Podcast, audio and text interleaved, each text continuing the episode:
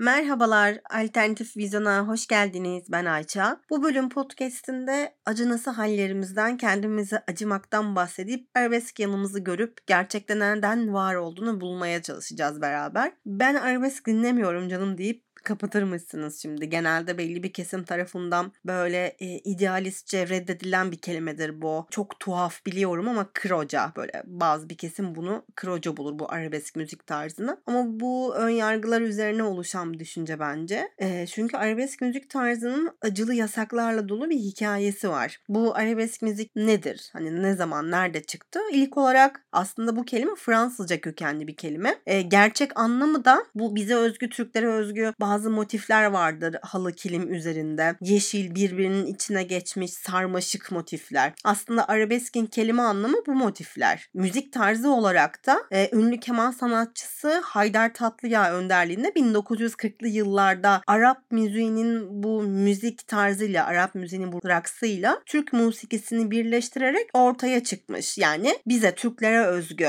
sadece bizim sahip olduğumuz bir tür. Bazı zamanlar kendimi acıdığım, e, içimde hep var olan, gittiğim her yere benimle gelen ve bazı duygulardan hiç kopamadığım o hallerimi arabesk tarzında bir müzik denk geldiğinde hep tekrar tekrar yaşıyorum. Yani benim özellikle tercih ettiğim bir müzik olmamasına rağmen yani sevmediğimi de göz önüne alınca böyle hissetmeme, tekrar hatırlamama sebep olması çok garip geliyor aslında bana. Bu podcast'i yapma fikri de oradan doğdu. Ee, şimdi bu içindeki acının isyanı, yaşadığı hayata kafa tutması, o şarkıyı dinlerken sözlere odaklanıp evet aynen öyle ben de böyle hissettim diyebilmek, empati kurup acılarını paylaşmak aslında arabesk müzik dinleyenlerinin içlerindeki o anlaşılabilir noktayı yakalamak, yakalamak istemesi. İşte bu tarz müzikleri uzun süreli dinlediğimiz zaman bizde yalnız hissetme duygusu, çaresizlik, güçsüzlük yani mental anlamda tüm olumsuz duyguları tekrar tekrar yaşamak ve zamanla bize zarar vermekle görevlendirilmiş olurlar. Çünkü arkadaşlar biz insanlarda bilinçaltı diye bir olgu var. Bu sinsice pusuda bekler, muhakeme etme yeteneği yoktur. Bir kişi kendine sürekli acıması yani arabesk tarafının en belirgin özelliği eğer sürekli sürekli bu haldeyseniz hayırlı olsun arabesk tarafınız var demektir. Mesela örnek vereyim size. Bugün 9 saat çalıştım. Bütün evi bütün gün temizledim. Ne yapsam düzelmiyor bu işler. Ne yapsam bu ilişki yoluna girmiyor. Hepsi ama hepsi kendine acıma. Yani bu bilinçaltı, bu düşünce işe yarar, sen kal, bu bilgi kötü, sen git diye bir ayrım yapamadığı için arabesk halimizi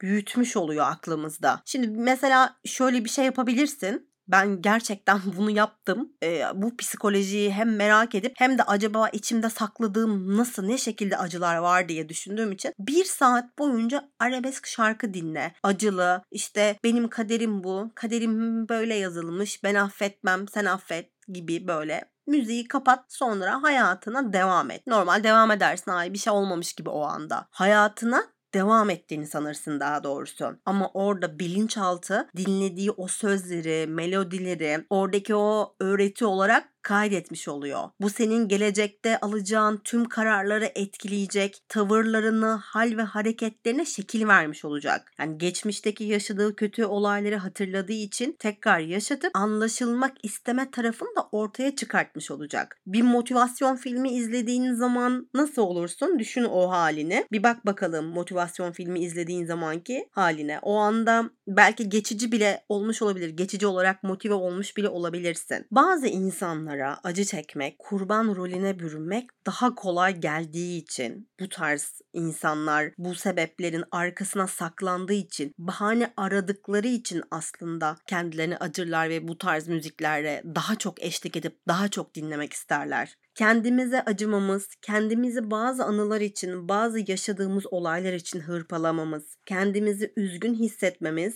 bizim seçimlerimiz arkasından gitmesine üzüldüğümüz, ağladığımız insanların hayatımıza girmesine biz izin verdik. Ee, biz kestik aslında onların biletlerini. Akşam karanlığında parlayan ışık dolu her yeri her yeri ışık dolu olan bir Luna Park için aslında böyle. Şu anda terk edilmiş, çürümeye mahkum bırakılmasını eğer acıyorsan sen seçtin. Verdiğini o kararla sen seçmiş oldun. Yani kaderim buymuş, kaderim buymuş, böyle yazılmış yazım demek kurbanla selam demek arkadaşlarım. Yani yasaklayın hayatınızdan bu sözleri. Yasak deyince e, aklıma da şöyle bir bilgi geldi. E, sanırım 1960'lı yıllarda hem siyasi olarak da hem de insan hayatına olumsuz etkilenebileceği düşündüğü için bazı şarkı yasaklanmış. Ben bunları öğrendiğim zaman çok şaşırmıştım. Hani şarkı neticesinde diye düşünüyordum çünkü. Mesela Barış Manço'nun Arkadaşım Eşek şarkısı bir insanın arkadaşının eşek olamayacağı yani bir insanın eşek olamayacağı söylenerek insanları olumsuz yönde etkileyeceği de düşünülerek eşek yerine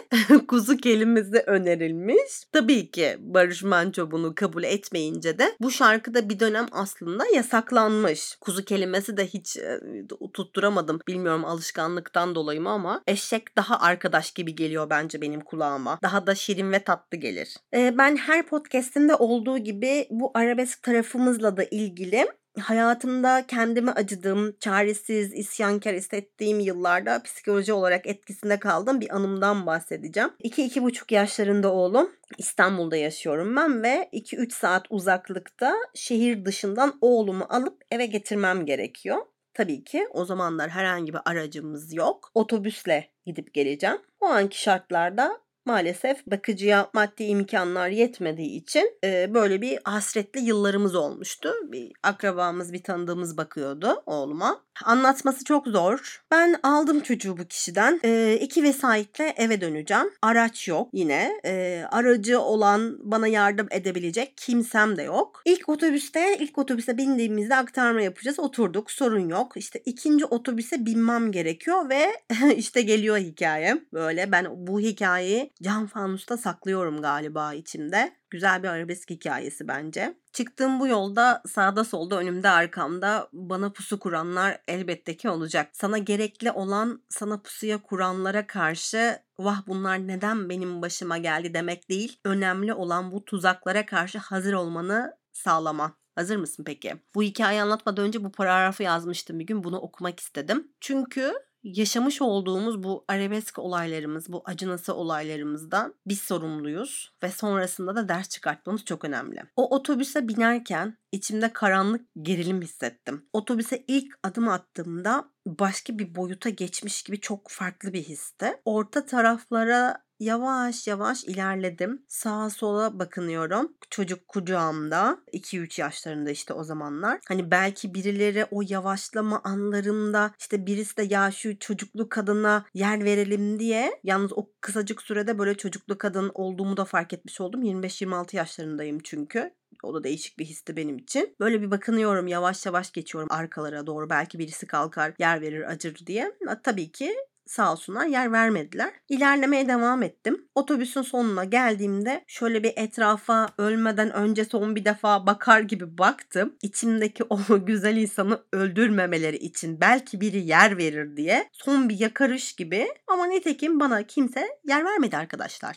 Yani ben o kalabalık içinde kendimi ürkek, güvensiz hissettim. O anda her şey, herkes yerin dibine girsin istedim. Çünkü yol doğrudan otobana giriyor. Çok az duraklarda duruyor. Yani anladım ki o anda ben yolun sonuna kadar çocuk kucağımda yani o yaşlarda bir çocuk kaç kilo olur?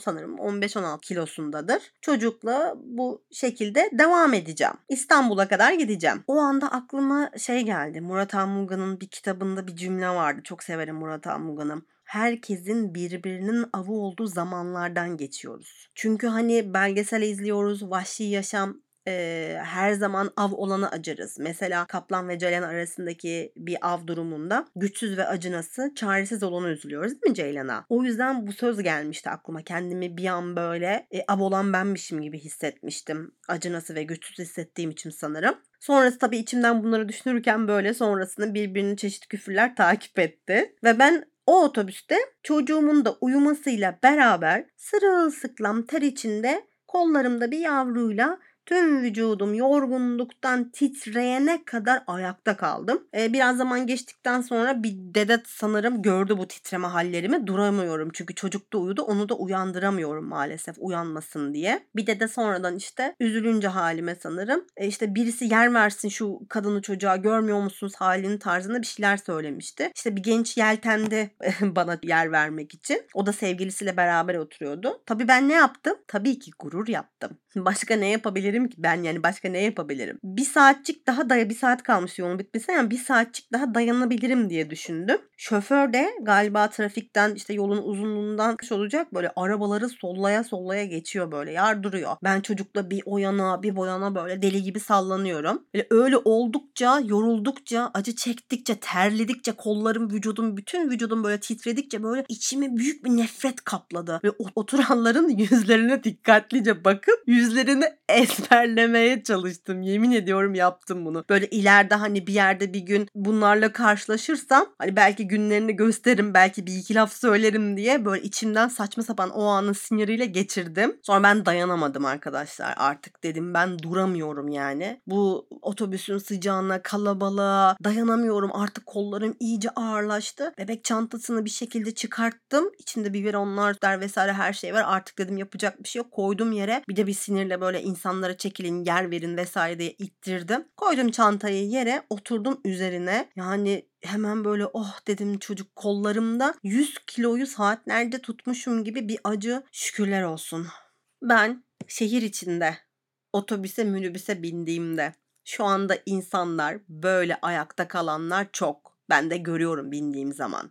Normal bir olay gibi geliyor aslında. Benim bu yaşadığım size belki de. Ortalama 2-3 saat süren bir yolculukta kucağında uyuyan bir bebek 15-20 kilo arası bir kilosu var. İnsanların ne kadar acımasını, acımasız olduğunu düşünürken aslında benim o halde o otobüste olmamın suçlusunun kendim ve benim önceki verdiğim kararlarımın beni o hale getirdiğini fark ettim ve bunu kavradıktan sonra kendi halime acımamaya karar verdim. Doğrusunun da bu olduğunu düşünüyorum hala. Çünkü öyle acınır bir halde kalmam yani olduğum yerin daha da dibine çeker beni. İleriye değil adımlarımı geriye doğru atmamı sağlar. Vazgeçtim bu acı isyandan. Kabullenip yoluma devam etmeyi tercih ettim. Ama o otobüsteki insanlara yazıklar olsun. Belki böyle bir şey hatırlarlar beni dinleyenlerden varsın.